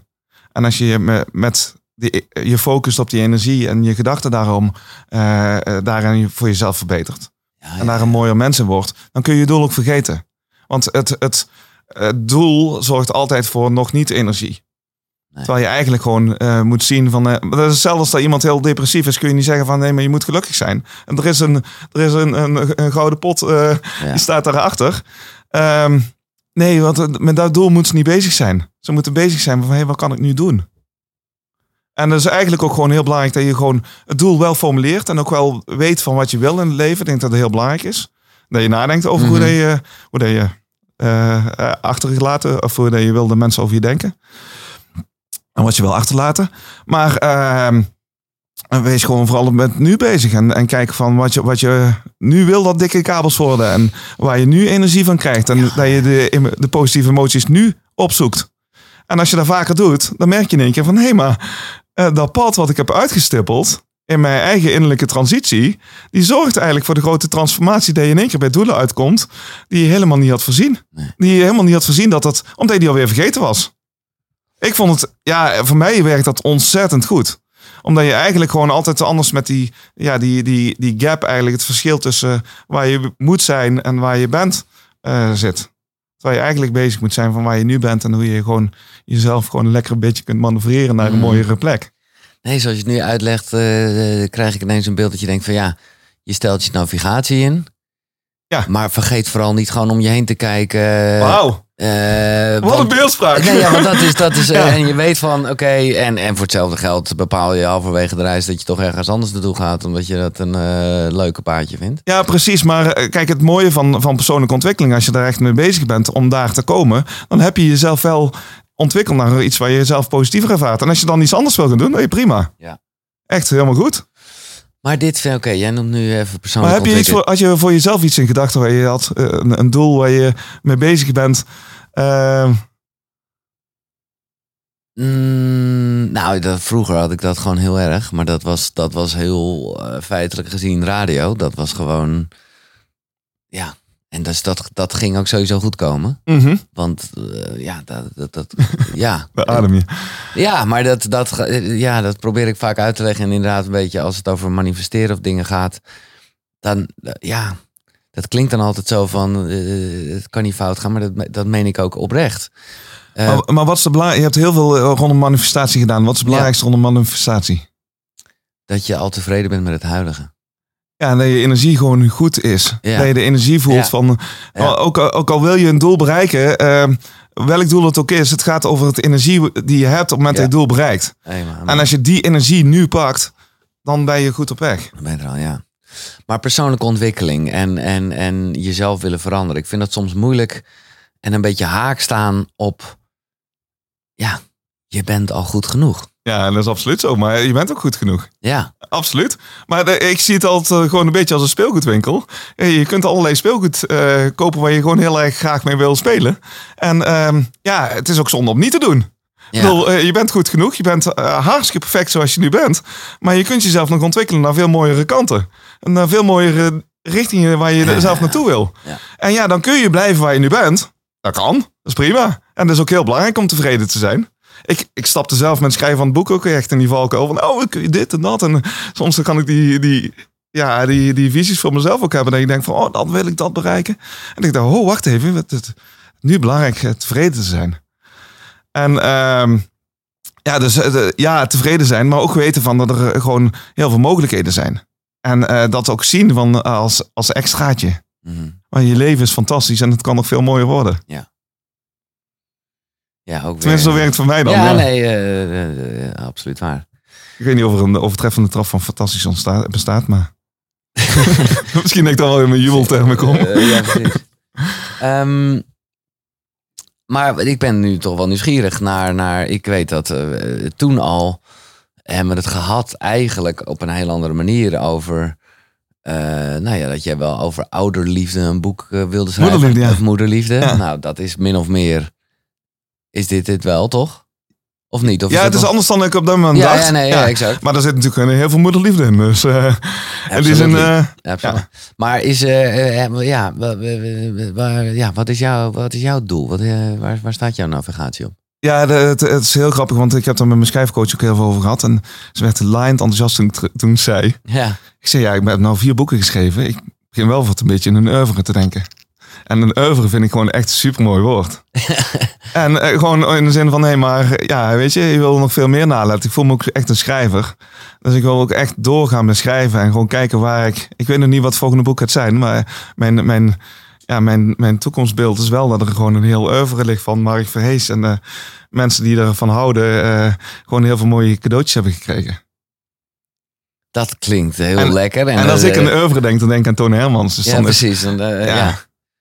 Maar het lijkt me ook onrustig dat je denkt, oké, maar wat, waar, eh, waarover dan? Of dat dient zich Nee, aan? helemaal niet. Nee? Nee, ja, het dient zich altijd aan. Ja, dit, dit dient zich ook aan met mijn ouders. Ja. En eh, het volgende onderwerp dient zich ook alweer aan. Ja. En eh, de behoefte om te gaan schrijven, die zal wel, waarschijnlijk wel eh, vrij snel ontstaan. Eh, maar ik heb er op dit moment eigenlijk nog geen idee. Nee. Maar ik denk wel dat het iets, iets positiefs zal zijn. Dat denk ik ook, ja. Zou je kunnen zeggen, maar dat voelt allemaal zo heftig. Maar ik, ik, ik, ik, eh, dat je gewoon dankbaar bent dat dit je overkomen is. ja, absoluut. Oh, Ja? 100%. Ja. ja, dat is echt ja, een verrijking voor mijn leven weer. En, en, maar kan je voorstellen dat, ja, ik vind het machtig mooi, maar kan je je voorstellen dat mensen het ook crazy vinden? Dat ze gewoon, hè, dat je eh, gewoon even heel negatief gedacht denken, godsamme, de dood, ja, zeker. de zeker. dood van zijn beide ouders. En hij, hij, hij maakt er een mooi verhaal van. Ja, zeker, zeker. Ik bedoel, ik heb in de afgelopen jaren ook naast het overlijden van mijn ouders ook weer, weer veel meegemaakt. En ook van vrienden waar de ouders van overlijden, maar ook een vriendin die overleed. Ja, en dus, ja, dan kan ik niet in één keer zeggen van, wow, wacht, het is allemaal fantastisch. Nee, dat is toch, ja, zo ervaar ik het zelf ook niet altijd. Mhm. En eh, eh, zo heb ik het overlijden van mijn ouders ook niet ervaren. Maar reconsolidatie is wel dat je er iets mee gaat doen. Waardoor je er eh, zowel positieve gedachten als positieve energie aan toevoegt. Zodat je je bestandje anders opslaat. En als je dat gaat doen, dan wordt het beeld anders. Ja. En ik, ik geloof er wel in dat wij als mens zijnde... en ik hoop dat dat boek daar inspiratie voor biedt... is dat je niet aan het einde van je leven... ergens je hele leven last van moet hebben gehad. Nee. Alsjeblieft. Want dat is echt gewoon echt onnodig. Dus als je ergens mee zit, als je ergens moeite mee hebt, ga er alsjeblieft mee aan de slag. En dus, ja, dat vind ik ook wel mooi van dit boek. Is van de biedt heel veel handvatten eigenlijk om eh, je negatieve ervaringen, je verdriet, om daar gewoon een andere lading aan te gaan geven. En ben je zelf bang voor de dood? Nee, helemaal niet. Nee? Nee, echt absoluut niet. Nee. je, je, je zegt dit ook weer met een smaal waarvan ik denk eh, alsof je er zin in hebt. Ehm, nee, want ik, eh, eh, nee, niet eh, in de zin van dat ik er zin in heb, want ik vind het leven gewoon fantastisch. Ehm, maar ik denk dat na de dood nog meer, veel mooier is. Oké. Dat is misschien een positieve, Nee, positief nee, beeld. nee, maar, maar dat vind ik mooi. Laten we maar we weten natuurlijk niet wat er gebeurt na de dood. Dat weten we niet, maar laten we even filosoferen. Wat, wat, wat, wat, wat... Nou, ik ben één keer naar een lezing geweest en er, van mensen die een bijna doodervaring hadden gehad. Ja. En eh, mensen die weer terugkwamen met leven. De, de rode lijn die ik er zelf uitgehaald heb, was dat mensen vaak depressief raakten op het moment dat ze weer terug waren in het leven. Dat eigenlijk na het leven veel mooier was. Eh, nou, ik vind dat een heel mooi perspectief. Ja, Of het waar is, geen idee, maar Nee. ik vind het wel een heel mooi perspectief. ja, Dus waarom zou ik bang zijn voor de dood? ja. Misschien is het wel veel en veel mooier. En, en dat is ook, eh, zo zie ik het leven ook. Van hé, maar het leven is een, grote ervaring. En de dood is misschien ook wel een hele mooie ervaring. En mijn ervaring met de dood van mensen waar ik heel veel van hou, is dat me altijd verrijkt heeft. Dus moet ik daar bang voor zijn dan? Zoals jij dus ook weer andere mensen hun leven nou ja, nu al verrijkt en ook jouw dood dat zal gaan doen. Ja, maar ik vind het eigenlijk in eerste instantie, en dat vind ik met dit boek eh, eh, nog wel het meest, eh, gewoon vooral ontzettend interessant om gewoon, eh, en fijn om mijn verhaal te delen. En mijn verhaal te delen met alles wat ik daarin meemaak. Eh, zonder daarbij te zeggen van je moet dit doen of je moet dat doen. Nee. Echt, wat dat betreft ben ik veel meer in, die, in die modus gekomen van nou weet je, doe er gewoon lekker je eigen ding mee. En als je het een leuk boek vond, dan is het fantastisch. En als je iets mee wil doen, dan kan het alleen nog maar veel mooier worden. Ja. Maar dat is dus ook wel echt het ultieme wat wij als mensen überhaupt kunnen doen. Ja. Toch? We, we, kunnen niet eens iets anders doen eigenlijk misschien. Ja, en, en dat is, eh, ik vind dat als schrijver zijn, dan vind ik het al geschenkt dat ik vier boeken heb geschreven. Dus als ik nu hier daar de deur uit ga en eh, er valt iets neer op mijn hoofd of Ja. ik ga dood, dan heb ik vier boeken achtergelaten. Heb je geen oeuvre. En een mooie podcast. Nee, nee, maar ik vind het, het is geen oeuvre. Geen oeuvre. maar ik denk niet dat ik dan denk van, oh jee, de oeuvre is niet af. Nee, dat Nee. denk ik ook niet. Dat ik ik, ik, stel mijn doel en ik vergeet mijn doelen. Ja. Nee, duidelijk. Ehm, Mooi. Vergeet niet om te lachen. Het voegt misschien geen jaren aan je leven toe, maar het voegt wel leven aan je jaren toe. Ja, dat is 100% zo toch? Nou ja, ik denk dat je het eh, levende bewijs daarvan bent. Ja, als je, eh, ik merk altijd zelf als ik gewoon een glimlach opzet en dan gewoon twee minuten opzet, dat ik mijn energie al verander. En dat is echt zo'n makkelijke manier om gewoon direct in te grijpen op je gedachten. En Echt gewoon energie. als een soort tool. eh, Gewoon zelfs lachen als je eigenlijk even geen reden ziet om te lachen. Ja, Nee, heel goed. Nee, ik vond het opvallend om te lezen, want zo ken ik je helemaal niet. dat jij gewoon eh, een ochtendtumeur had. vroeger ja. Ja. Ja, Ik denk, nou, dat is eh, echt een ander mens dan. dat was ook eh, vaak com- confrontatie met mijn moeder, eh, met haar, eh, ja, eh, ultieme zorgen voor mij. En dan Ja. als een ninja voorbij komt proberen te lopen met, op haar tenen. Ja, nee, daar reageerde ik heel geïrriteerd op. Maar ehm, dat is wel echt fascinerend. Om, eh, je hebt jezelf een etiket geplakt, hè? En eh, soms doet je omgeving dat, maar ben je er zelf in gaan En geloven. dan ga je ook dat... Ja, dan ga je er ook naar gedragen. Ja. En eh dat is eigenlijk gewoon heel belangrijk om andere dingen in jezelf op te zoeken. Want als je de positieve dingen in de ochtend gaat, gaat ontdekken, ja, dan is de ochtend ook gewoon een geschenk. Ik vind de ochtend nu echt fantastisch. Want dan ben je gewoon vrij van je gedachten. Dan ontstaat er een nieuwe dag. Je mag een nieuwe dag beginnen. Je mag alle kanten op gaan die je wil. Ja, ja. ik ben echt een ochtendmens. Ja, Ja, heerlijk. fantastisch hoe dat... eh, maar ja, je kan dus... Maar het is ook gewoon fijn om. Het is veel fijner om te zeggen van ik ben een ochtendmens dan dat ik ben geen ochtendmens. Omdat, eh, dat klinkt toch veel positiever. Ja, En eh, waarom zou je jezelf een negatief label geven? ja ga er gewoon in ieder geval al voor staan, al is het nog niet eens zo, zeg jij. Ja, ga er iets aan veranderen. Ja. En ga, als je geen, eh, geen ochtendmens bent, wat ik vroeger ook was, ga op zoek naar wat er misschien die ochtend of in de ochtend wel gewoon heel fijn is. En voeg daar iets positiefs aan toe. Als je ochtend meteen in, in de jaagmodus zit, voeg daar wel extra tijd aan toe. en ontdek in één keer van dat het best wel lekker is om gewoon even een kopje koffie te drinken of eventjes met je partner te praten of met je kinderen te praten of wat dan ook. Wat, ehm, en dat zal misschien per, eh, bij alle twee iets anders zijn, maar wat mis je het meest aan je ouders? Ehm, wat ik absoluut het meest mis. En missen vind ik op zich wel een heel raar woord. Ben ik een raar woord gaan vinden, maar het eh, dat ze willen. Bij, hun wist ik 100% zeker dat ze wil dat ik er was. En die onvoorwaardelijke liefde, dat is wel hetgene en wat het allermooiste is. En ik, ja, ik gun de wereld dan ook gewoon veel meer onvoorwaardelijke liefde. Ik probeer ook zelf veel meer vanuit onvoorwaardelijke liefde te leven. En ik geloof ook echt dat als je alles op tafel wil leggen, dat het ook een geschenk is vanuit onvoorwaardelijke liefde. Eh, dat we elkaar veel meer onvoorwaardelijke liefde mogen geven. Ehm, omdat dat gewoon zo ontzettend fijn is. Mm. Dat je weet van, hé, maar je mag ergens zijn en iemand vindt het fijn dat je er bent. En wil dat je er langer bent. En eh, mijn ouders hadden dat. En dat is, ja, dat is echt een supermooi geschenk. En hoe wil je herinnerd worden? Als iemand die gewoon vrolijk door het leven ging en, en eh, iets, met zijn, iets met zijn passie gedaan heeft. En, en eh, hopelijk eh, wat fijnere energie heb gecreëerd. eh dus dat mensen glimlach op hun gezicht krijgen. Maar het, het grappige is wel van, ehm, de vraag is echt super mooi. Om, om, om een richting voor jezelf te bepalen. Maar het gaat er eigenlijk ook nog niet eens zozeer om. Dat als ik, als ik nou, ik hier de deur uitloop en Nee. er komt een begrafenis. Dat mensen dan een glimlach op hun gezicht hebben staan. Nee, want het gaat erover wat ik zelf gedaan heb. En dan heb ik zelf mijn leven geleid wat ik wilde leiden. En ja, dat is de belangrijkste vraag voor mij. En ja, dat is voor mij eh, door daar bewust mee bezig te zijn en te reflecteren. En eh boeken ook als zelfreflectie te zien. Ehm, ja, heel veel richting geeft aan eh, hoe ik mijn leven wil leiden. En ja, dan, is, dan maakt het ook niet uit wanneer dat moment komt. En dan maakt het eigenlijk ook niet uit of mensen dan een glimlach hebben. Het gaat echt om je. Ja, het gaat om van binnenuit. Ja. En dat is eigenlijk ook gewoon de les die we altijd, eh, die ik ook zelf te leren heb eigenlijk. Want passie komt ook altijd van binnenuit. En liefde komt ook altijd van binnenuit. Dus laat het, laat je heel erg stilstaan bij waar je hart sneller van klopt en waar je echt warm van wordt. En laat dat stromen. En eh, ja, het mooie van het boek is, en dat vind ik al echt zo ontzettend gaaf. En dat vind ik ook de connectie die je in zo'n podcast hebt, is ehm, je raakt zoveel liefde aan. Mhm. En je raakt zoveel liefde. Jij raakt sowieso ook in al je podcasts zoveel liefde aan. En eh, in, de, in boeken raak je veel liefde aan. En eh, hoe mooi is dat we liefde aanraken in de wereld. Mm. Want alles wat je aandacht geeft, groeit. Oh, Mark. nee, maar echt.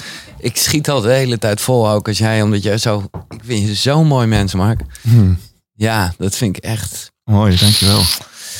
Ah, mag ik een applaus voor Mark Vrees?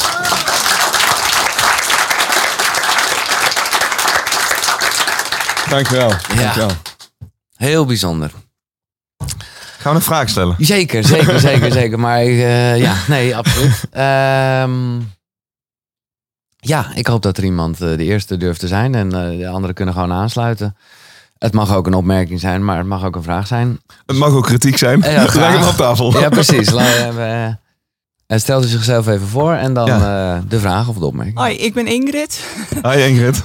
We kennen elkaar. Ja. Ehm, je hebt het zo mooi over je ouders. En ook dat ze in de zaal zitten. En wat zouden jouw ouders gezegd hebben nu? Nu ze naar jou hebben geluisterd. Oh, wat een en mooie gekeken. vraag. Ehm, ja, mijn moeder zou echt eh, ontzettend trots zijn dat ik hier bij Giel zit. oh, Giel is toch gewoon eh, wel iemand. en eh, mijn pa die zou eh, eh, kijken naar mij en die zou eh, zien dat ik heel dicht bij mezelf sta. En die zou tevreden een glimlach op zijn gezicht krijgen. Ja, En mijn moeder ook hoor. Ja. Mijn moeder die, eh, ja, die zou ook eh, vol liefde naar me kijken. En dat heeft ze altijd gedaan. Maar ook, ook nu. En die zou... ehm, kijk, dat is wel het mooie. Is eigenlijk, ehm, ook als er iemand overlijdt. Als je zelf zo... Als je nadenkt over je eigen dood. ehm, dan wil je eigenlijk dat de mensen die je achterlaat gelukkig zijn. Niets erger is als de mensen ongelukkig worden van jouw dood. Nee. Dus ik denk dat mijn ouders mij hier gelukkig zien zitten. Dat ze daar zelf heel erg gelukkig van worden. ja, dat ze het geluk hebben doorgegeven. Ja. Ja. Ja, en ja, dat, dat is zeker. Ze hebben dus echt heel veel aan mij gegeven. En ik heb er ook ja, voor mij bewust iets mee gedaan. En ik geef het ook mee door. Wat ze mij allemaal voor moois gegeven hebben. Hm. Dus ik denk wel dat ze gelukkig zijn. Ja. En dat ze heel zacht zijn. Zachte energie. Mooie, mooie vraag. vraag. Ja.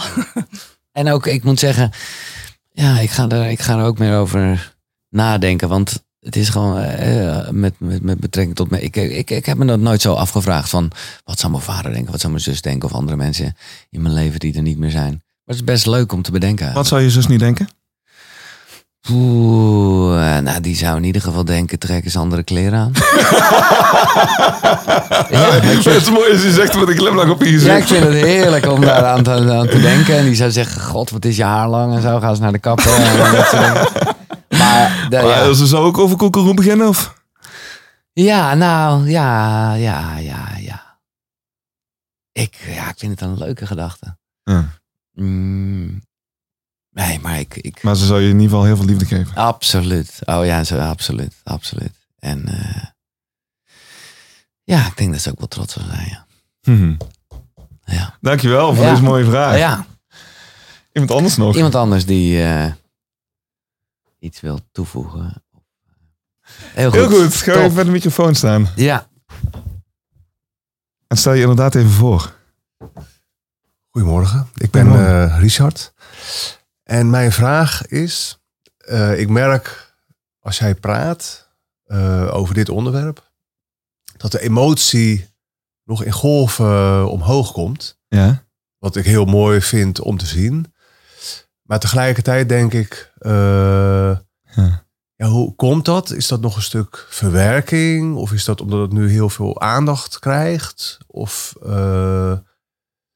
ja, ben je nog ermee bezig dat je nog een soort, eh, nou ja, ik wil niet zeggen een strijd levert, maar, maar het is heel voelbaar, heel mooi. Dankjewel. Ehm, ja, daar gaat mijn vraag eigenlijk over. Van, goh, hoe, hoe Ik- moet ik dat zien? Ik kan er vanuit mijn eigen perspectief heel eh, eenvoudig verhalen vertellen. Toen mijn ouders 40 jaar getrouwd waren, toen hebben wij een, eh, een, een speech gehouden. eh, waarbij we echt. Eh 40 jaar getrouwd, ja. Ik zit even te kijken of het klopt, maar het, het klopt. 40 jaar getrouwd. Toen hadden ze een, eh, een zaal afgehuurd met een feest. En daar mijn broer en ik een verhaal gehouden over hun. En toen hadden we bedacht van, nou weet je, de eerste helft van jullie leven hebben jullie nu gehad. Nu komt de tweede helft. Dus we hebben teruggekeken en vooruitgekeken. En dan z- daar heb ik ook naar hun gedeeld van, van wat, wat ik mooi aan ze vond. Eh, dus dat was eigenlijk een, een, een feestgelegenheid waarin alleen maar liefde ontstond. En dan ben ik de hele tijd aan het huilen. Dus dan komt er heel tijd liefde in. Eh, bij mij zijn tranen heel vaak een uiting van liefde. En eh, dus ja, zo, zo ken ik mezelf. En ehm, ja, eh, je merkt aan jezelf.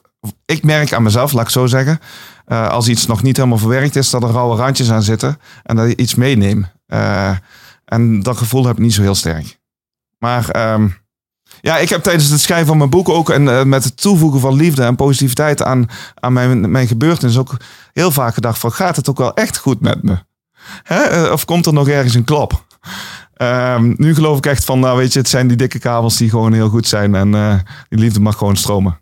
En ik vind het ook fijn om emotioneel te zijn als ik aan mijn ouders denk. Nou, dat is het. Ik vind het een hele mooie Ja, vraag. Maar ik, ik, ik, ik vind het echt top dat je het deelt. Omdat de, wat er een beetje aan ten grondslag ligt, is dat je eigenlijk zou kunnen denken: oh, als je huilt, dan gaat het niet goed. Ja. Dan heb je iets niet verwerkt. Dan zit daar nog iets. Terwijl eigenlijk, ja, dat geldt voor lachen, maar dat geldt ook voor huilen. We zouden het gewoon veel meer moeten doen. In plaats van eroverheen te stappen. En eh, ja, dus het is. Fantastisch. Ja, dus daar, ik, ik zou willen dat ik zo vaak huil als jij eigenlijk. Ja, Ja, meen ik maar je bent ook een heel gevoelig iemand. Dus, eh, Ja, maar niet, niet eh, dus, dus Maar of het nou in tranen komt, het gaat over het gevoel wat je hebt. natuurlijk. En als je bij die liefde voor jezelf, eh, bij die liefde kunt komen, eh, of er nou tranen uitkomen of dat het een warm gevoel geeft, alles is goed hè. Ja. Bij mij uitzicht dat heel veel in, in, in tranen die erbij komen. En, en ja, ik voel me dan ook heel zacht. Maar ik vind het echt een fantastisch mooie vraag. Ik ben Nou, heel nu blij je dat je dit zo, eh, zo zegt, realiseer ik me dat het eh, juist te maken heeft inderdaad met heel veel gevoel wat erbij komt kijken. En eh, ja, een heel mooi gevoel. Ja. Ja, en het, het is in ieder geval heel mooi om ook te zien hoor. Ja. Eh, ja. ja, heel inspirerend. Ja, ze zeggen ook altijd dat tra- tranen van verdriet zijn en tranen van geluk. En voor mijn Ja. gevoel zijn het heel vaak tranen van geluk. Dank je. Mooi. En nog meer van, zo- ja, de lat ligt hoog met zulke mooie vragen Ja, dat natuurlijk. is, eh, dat is waar. ah, kijk, Nou, ga kijken of je dat kan overtreffen. Maar Ja, dat, hoeft niet. Daar gaat is- het niet om. alles is goed wedstrijd. Ja. Nee. Nee, je zegt eh, er is op een gegeven moment bij, eh, f- eh, is er verdriet bij eh, het overlijden van je ouders. En daar, eh, daar moet je ruimte aan geven. En, maar wanneer komt er voor jou dat soort omslagpunt van eh, ik ga het nu eh, een, een, een positieve benadering geven? Gaat dat vanzelf bij jou of moet je jezelf daar ook een beetje in, in sturen? Nou, bij die, die heftige laatste dag van mijn moeder, waarin ik gewoon echt voor mijn gevoel traumatische ervaringen had, eh, is dat echt die dag erna gekomen dat ik dacht van hé, maar wacht even, ik moet hier zelf een knop omzetten. Ehm, en dat was voor mij ook eh, meteen het verschil eigenlijk van hé, maar ik moet, moet er zelf iets aan gaan doen. Dat is de eerste stap. En dat is natuurlijk ook gewoon, eh, weet je, je kunt een fantastische coach in, inschakelen. Dat is ook heel erg belangrijk, want die kun je op je, op je pad brengen. Ehm, maar je moet het altijd toch nog gewoon zelf doen. Eh, dus eh, ja, als je dan denkt van ja, maar ik weet heel veel dingen voor mezelf. Ik heb veel geleerd. Eh, ik wil niet zeggen dat ik alles weet hoor, maar eh, ik weet veel dingen. Dus ik kan zelf ook heel veel dingen veranderen. Dus die drive om dan te veranderen en, eh, en het goede op te zoeken, die komt bij mij heel snel dan. Maar jij kan echt letterlijk die knop omzetten. Gewoon zeggen tegen jezelf van Ja, maar het- nu is het het afgelopen. Het is niet dat het dan in één keer goed is, hè? Dat hoeft ook niet. Maar ik laat ook echt het verdriet er zijn en de pijn er zijn en dat is ook helemaal prima. Mhm. Eh, alleen ik, eh, ik heb dan zelf zoiets van, eh, ik kan er ook gewoon iets positiefs aan toe gaan voegen. En op het moment dat je die kant op gaat, dan merk je dat je eh, heel snel niet meer op de oude plek bent. Dat je de Ja. andere kant in bent gelopen. Ik denk- Ik denk dat het voor jou ook, dat is jouw sterke kant, eh, dat jij inderdaad makkelijk je emoties kan, kan uiten, waardoor het eh, ja, wat makkelijker gaat, denk ik. Ja, ja. Ja, ik denk dat het per persoon heel erg zal verschillen. Ja, maar ik kan er dus niet invoelen hoe het voor iemand anders is. Dus eh, Ja. Is er nog een bepaalde emotie waar jij eh, wel wat, eh, wat meer voor wegloopt of zo? Of zeg je dat die... kan, je, ben je, kan je ook heel makkelijk boos zijn bijvoorbeeld? ja, Ja. Nee, ja. vrouw. Nee, ja, nee, maar, of als ik in het verkeer zit, dan kan ik soms echt heel, heel irritant zijn. ja. Dus eigenlijk voor elke emotie... Ik kan alle, eh, eh, het is niet zo dat ik in één keer geen boze emoties meer ken. Nee, nee, nee, maar dat zou dus ook weer... Dat zou eh, ik kan ook niet goed ongeduldig zijn. zijn. en eh, Ja. weet je, ja, Maar je bent het gewoon vol altijd. En dan is het ook... eh, ja, ja. maar eh, wel voor mezelf aangeleerd van nee, maar je kunt ook wel ergens gewoon een knop in omzetten. Dus Ja. en die knop moet je echt wel zelf omzetten. Dat is- En, en dat is ook een mooie van de eenvoudige leven van het vorige boek. is eigenlijk van hé, maar eh, ongeduld. Iedereen kent het om ongeduldig te zijn, maar iedereen kent het ook om geduldig te zijn. En waar je wil zitten op dat spectrum, eh, daar kun je jezelf in schuiven. En als je het geduld in jezelf opzoekt, de rust in jezelf opzoekt, dan kun je geduldig zijn. En hoe vaker je dat doet, hoe geduldiger persoon je wordt. Ja. En eh, ja, dat is echt zo ontzettend mooi. Dus in die zin probeer gewoon eh, ja, het leven fantastisch te vinden nu en probeer het nog mooier te maken. Mhm. En als het, als het leven shit is, dan mag dat er ook zijn. En dan is de uitdaging om er ook iets mee te doen. Mooi. Dankjewel. Ja. Dank je. Top. Ja. Hallo. Hoi. Oh, wat goed. Ik heb eigenlijk twee vragen. Hoe is je naam? Eh, Sharon. Hi Sharon. Eh, ik weet niet of je meer broers of zussen hebt, maar ik heb je gehoord over je broer. Eén broer, ja. Ja. Eh, en ik vroeg me af of jullie proces ook op elkaar lijkt. sommige dingen wel, sommige dingen niet. We zijn niet hetzelfde. Dus het verwerkingsproces is, is helemaal niet hetzelfde. En eh, dat is ook heel mooi. Dus waar, Maar we waar- zijn niet hetzelfde. Nee, maar wat, eh, wat, eh, waar zit, ja, als je dat wil delen hoor, waar zit het verschil in? Hoe, Ja, ehm, ik kan het sowieso natuurlijk niet heel erg goed over hem oordelen. Over hoe dat hij precies iets ervaart. Nee. Ehm, ja, dus hij heeft andere dingen gedaan in het hele proces. En je merkte dat nu gaat het gewoon echt super goed met hem. Ehm, maar hij heeft ook gewoon op, op bepaalde momenten dingen ervaren. Zo, terwijl ik dan een heel andere emotie zat.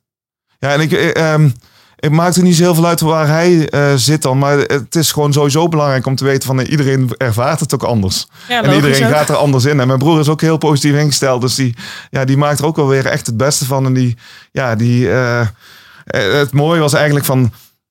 Met dit boek is het eerste eh, exemplaar heb ik aan mijn broer gegeven. En die heeft hij net voor zijn vakantie meegenomen. En dat was fantastisch. Want ja, en mijn broer is dan ook iemand die dan niet meteen laat weten hoe dat hij het ervaart. Maar dan hoor ik van zijn zoon. Zegt hij, ja, het boek, eh, het boek behandelt hij zoals een derde kind. Dan denk ik, oh. oh. Dus dan, dan omarmt hij het. En dan, ja, we vinden het ook heel fijn om open te zijn. Dus mijn broer is ook heel open over wat hij zelf ervaart. Ja. Maar hij ervaart het sowieso anders. En dat is ook gewoon echt supergoed. En dus, eh, we ervaren leven allemaal anders. Daar geloof ik ook echt in. Want we hebben allemaal een andere geschiedenis. Een andere manier van denken, andere overtuigingen. Eh, dus ja, hij is echt anders. Maar hij is wel echt fantastisch mooi. en heb je nog een soort van toestemming gevraagd? Eh, hoe zeg je dat? Nee. nee. Dat boek was er gewoon. eh, Hij, heeft er ook geen behoefte aan om toestemming te, te krijgen.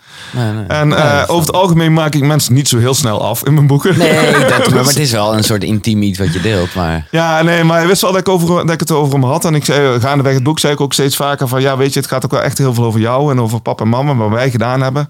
Oh ja, dat is goed joh. nee, precies. nee, Helemaal goed. bedoel. En eh, hij vindt het ook heel erg mooi. Maar ik denk dat het boek ook voor hem een, ehm, een, eh, zijn eigen reis weer heeft in, in zijn verwerkingsproces. En niet zozeer dat hij nou luistert naar wat ik te zeggen heb. Maar gewoon hij maakt zijn eigen reis van mee. En hij, eh, eh, het boek heeft wel een emotionele lijn. eh, dus hij komt daar vanzelf ook wel weer eh, bij zijn fijne emoties bij uit. En je had nog een vraagje dan? Ja. Nog een vraag. Wat- Eh, wat is de mooiste levensles die je van je ouders hebt meegekregen? Wauw. Eh, mijn ouders waren echt. ehm, eh, vanaf het moment dat ik eigenlijk uit huis was, gingen ze met kerstmis gingen zij ehm, dankbaarheidsbrieven schrijven naar ons. Met kerstmis keken ze terug op het jaar en schreven ze wat ze in ons waardeerden. En ze hebben dat zo mooi meegegeven. eh, dat dat wel echt een van de allerfijnste dingen is die eh, echt ja, in mijn genen zijn gestopt en in mijn systeem zijn gestopt. En waardoor ik ook, denk ik ook als, als kind vrolijk geboren ben en, en eh, positief door het leven ga. Ik denk dat dat wel een van de allerbelangrijkste is. Wat een mooi iets zijn. Ja, dat is echt zo mooi. Maar ook gewoon het feit dat ze dat deden. Ja. Ehm, ze schreven dankbaarheidsbrieven en het was altijd een tranendal hoor. Een tranendal van positieve emoties. Ja. Ehm, want het was altijd gewoon heel erg, heel erg warm. En toen mijn vrouw dus voor het eerst ook met kerst bij ons thuis kwam, kreeg ze ook zo'n brief. Nou, Lief. ja, super lief. Ja. En altijd zakdoekjes erbij. Maar ja, zakdoekjes vanuit liefde. Eh, dus wel, dankbaarheid is wel een van de mooiste lessen die ik meegekregen heb. Dat is wel echt... eh, Iemand nog een vraag? Nu kan het, hè? Ja. Oké. Nou, dit is hem hoor. De, de finale. Ja? Ja, weet ik niet. Maakt ook helemaal niet uit. Hallo. Hi, Wie ben jij? Mark. Eh, Eveline. Ah, Eveline. Hi. Ja. Ehm, Nu zie ik je. Ja, ja. nee, je hebt het heel veel over dankbaarheid. En eh, ik vond het zo mooi dat je zegt van... je hebt een keuze wie je wil zijn, eh, waar je mee wil verbinden. Maar hoe speelt de rol van vergeving of vergiffenis een, een rol in het proces van... zeg maar accepteren van hoe iets is... naar gaan waar je, waar je naartoe wil gaan, zeg maar.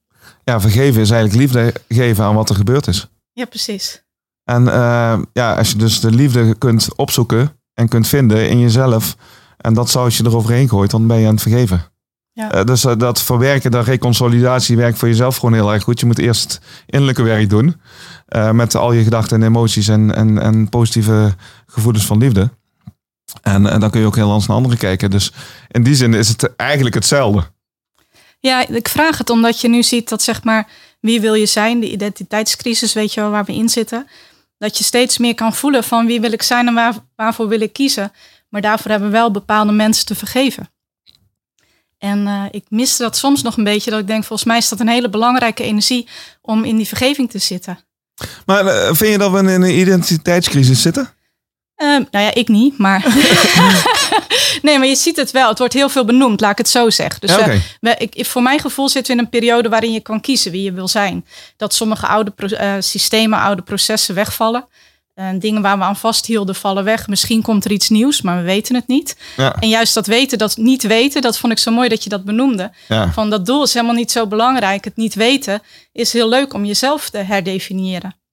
Ja, eh, echt, het leven zou er echt helemaal niks aan zijn als je weet van, nou weet je, ik ga nou dit doen en dan kom ik daar eh, over tien jaar uit. En dat is dan het resultaat. Echt, Ja, precies. ik zou dat vreselijk precies. vinden. Dus het Ja. niet weten is gewoon een geschenk. Daar word je nieuwsgierig van, daar word je verlangend van. En misschien wordt het nog wel veel mooier. Ja, en Maar- creatief natuurlijk om te kijken wie je dan zelf wil worden. Maar ik denk Ja. dat, eh, als je het over identiteit hebt, ik denk dat we eh, de hele, want alles wat ik schrijf, dat is al honderdduizend keer geschreven.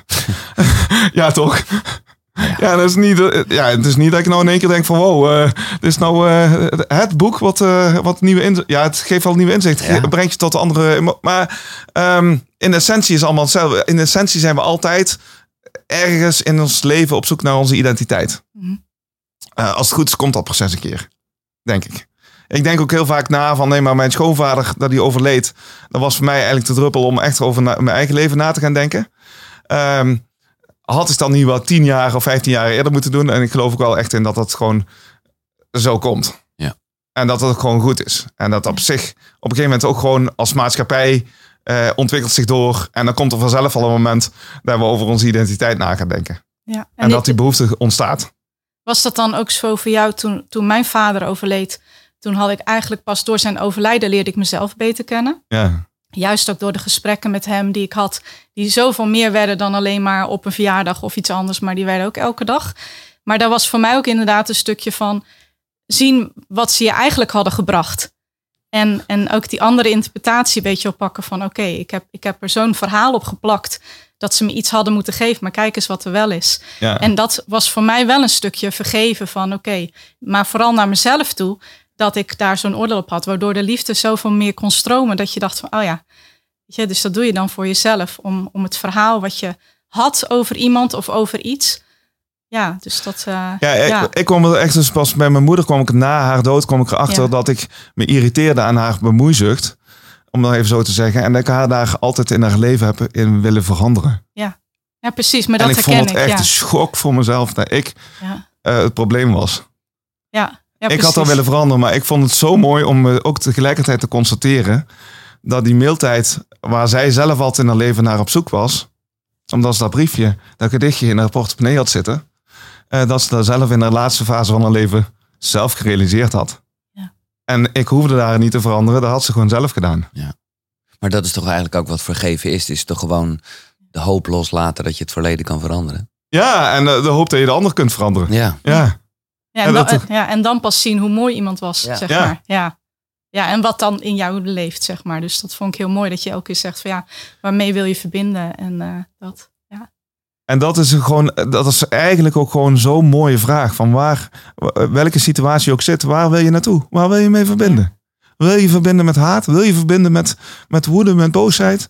Wil je verbinden met, eh, of wil je verbinden met liefde en vergeving en eh, openstaan en luisteren? En eh, die keuzes, als je je realiseert dat je daar in het kleine een keuze in hebt, ja, eh, dan ga je altijd de goede kant op. ja Dankjewel, mooi. Evelien. Dankjewel. Graag gedaan, maar. En ik moet natuurlijk eindigen met de vraag: wil je er nog iets over kwijt? alles wat je aandacht geeft, groeit. ja, dat is duidelijk. Levenslust. Waarmee wil je verbonden zijn? Nog één keer applaus voor Mark Feest. Dankjewel. Een bijzonder gesprek weer. Ik eh, ben benieuwd wat jij ervan vindt. Laat het onder achter in de reacties. Ehm, en vergeet vooral ook niet deze aflevering te delen. Voor mensen die eh, nog wel eens eh, nou ja, kunnen zwelgen of gewoon heel erg blijven hangen in, in, in pijn en verdriet op het moment dat ze iemand missen. Ik denk dat dit dan heel inspirerend kan zijn. Dus doe dat. Dit was uh, Koekeroe. Tot de volgende. Zonnegroet. Hoi.